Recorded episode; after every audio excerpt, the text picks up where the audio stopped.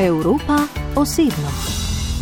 Привіт, мене звати Катерина Ріцраков. Я е, є українкою, живу в Берліні. Я перекладачка, а також співзасновниця організації культура, яка Katerina Rice-Rakul je tolmačka in kulturnica. Ukrajinka, ki jo je v Berlin pred 20 leti pripeljala ljubezen. Tu je študirala in se zaljubila tudi v mesto, ki je takrat začelo cveteti. Razmišljala je, da se po revoluciji dostojanstva leta 2014 vrne v Ukrajino, saj je želela pomagati pri gradnji nove države. Because my mom said that Ukrainians will do something stupid for sure in the future, so I, I shouldn't hurry up. And then I didn't. Ampak je upoštevala opozorila mame, da se ji v olepšenem prevodu ne splača. My mom is always right. Ostala je v Berlinu in skupaj s kolegi iz Nemčije in Belgije leta 2014 ustanovila združenje z imenom Kultura. Njihov glavni namen je predstavitev moderne Ukrajine v tujini ter spodbuditi sodelovanje med ukrajinskimi in tujimi umetniki in intelektualci. Women are endangered in, in, a, in a specific way in the war zone, and we want to talk about this in, in our next project of Kultura. En izmed njihovih naslednjih projektov bi moral govoriti o ženskah v vojni. Do you see any problem there with women and with rights of women and the role of women? And they said no. Med raziskovanjem se je pogovarjala s številnimi ženskami, ki so živele na vojnem področju na vzhodu Ukrajine. Ko so dejale, da ni nobenih težav, se je zamislila in ugotovila, da so verjetno težave tako velike, da se jih v bistvu ne zavedajo. And a woman carries a lot of weight on her shoulders. For example, if she's a mother, Ženske pa med vojno, po njenem raziskovanju, nosijo večkratno težo. Ampak tega nišče ne opazi, ker so ženske takrat nespoštovane. I must say to that that in Ukrainian national mythology, a woman fi- figure is never a weak figure. Kar se ji zdi šokantno, saj je v ukrajinski mitologiji ženska vse prej kot šipka. We realize that one of the reasons why Ukraine is lacking international support in war with Russia is because Russian cultural propaganda is V kolektivu so se spraševali, zakaj Ukrajina nima takšne mednarodne podpore. Ena izmed ugotovitev je, ker je ruska kulturna propaganda zelo uspešna. Nekaj takega kot pa ukrajinska kulturna propaganda ne obstaja. like for example Malevich was Ukrainian or Gogol was Ukrainian but Russia just expropri- eh, expropriated them. Katarina se zato sprašuje, kdo ve, da sta bila Malevič in Gogol Ukrajinca. I grew up with a Russian perspective of a Ukrainian identity. Odraščala je z rusko perspektivo o ukrajinski identiteti. V njeni družini ni nihče Rus, ne glede na to, so vse čas govorili samo rusko.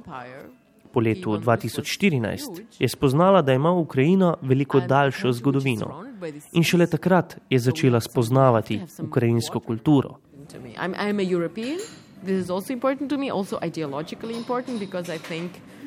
Poudarja, da je evropejka. To se zdi pomembno, predvsem ideološko.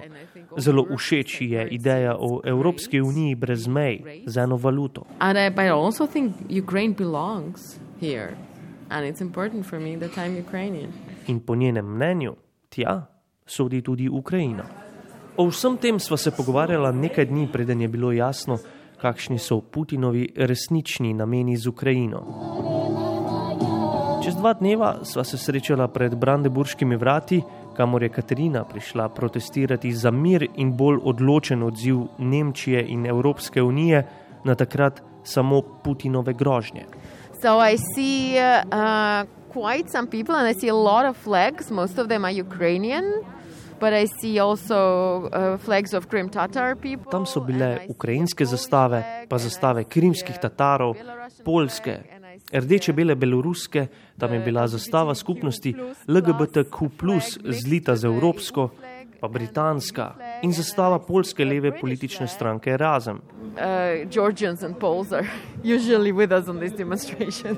Dobro se je počutila ob tem, da niso sami pri protestiranju, čeprav Gruzici in Poljaki so vedno z njimi.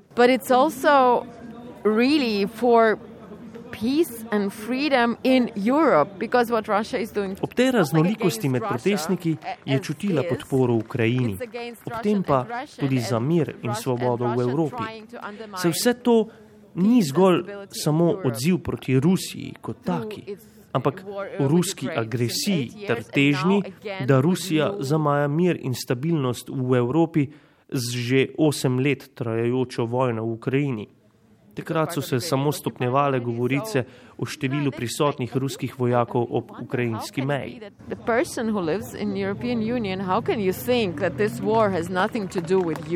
Ni razumela, kako ljudje, ki živijo v Evropi, ne dojamejo, da ta vojna zadeva tudi njih. To se je zdelo zelo kratkovidno. Saj vsi trpijo zaradi tega trpljenje pa se lahko samo še stopnjuje. Yes, I mean, a bigger response would be good because it would mean that German politicians would be more inclined to do more. Eden izmed govorcev je opozoril, da pogreša še večjo množico za mir, podobno kot je bilo ob invaziji na Irak ter ob vietnamski vojni. Tudi Katarina bi si želela več ljudi, saj bi to pomenilo, da bi imela nemška politika dodaten pritisk. Ob tem pa opozorila, da ni presenečena. Saj, če si takrat spremljal nemške medije, se v marsikaterem pojavljal narativ, da moramo na stvari gledati iz obeh strani, da je resnica nekje vmes, kar po njeno drži v primeru, ko se dva otroka prepirata glede igrače. Ampak, ko ena država napade drugo brez razloga, je resnica samo ena. But if one country is waging a war against another country for no reason, then no, the truth is in, in one place. Thank you so much for coming. We're gonna start quite soon. Do naslednjega srečanja je minilo nekaj dni. Vmes se je zgodil zdaj verjetno že zgodovinski Putinov govor v ponedeljek zvečer. I knew that they don't think we are a nation and I knew they think our language doesn't exist and we, are, we have no rights to be on our land and speak our language and listen to our music. Katarina pravi, da ni slišala ničesar novega. Vse to, da Ukrajina nima pravice do države, je vedela že prej.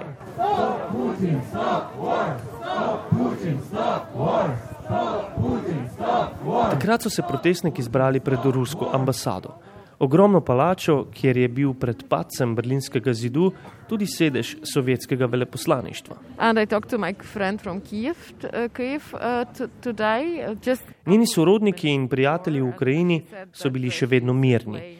Čeprav so imeli pripravljene torbe za nenaden odhod, niso širili panike. We actually have proven to ourselves that we are resilient and strong and that we are in our rights. Because I think it's a different thing to attack a country and it's a different thing to protect your own country. And Že takrat je rekla, da so dokazali, da so močni in uporni. Pravi, da je velika razlika med tem, če braniš državo ali če jo napadeš. Media, media influencers, they are switching because for them, apparently, this yesterday was a moment to wake up when they heard that the language of their country is non existent. Okay, like, Ljudje so v osmih letih trajajoče vojne na vzhodu Ukrajine, sploh pa zdaj, začeli spreminjati mentaliteto ter obračati hrbet ruski kulturi in tudi jeziku. And this development is going on and now it got a new push. You know, towards this national identity. Prepričana je, da ti dogodki dajajo ukrajinski identiteti nov zagon.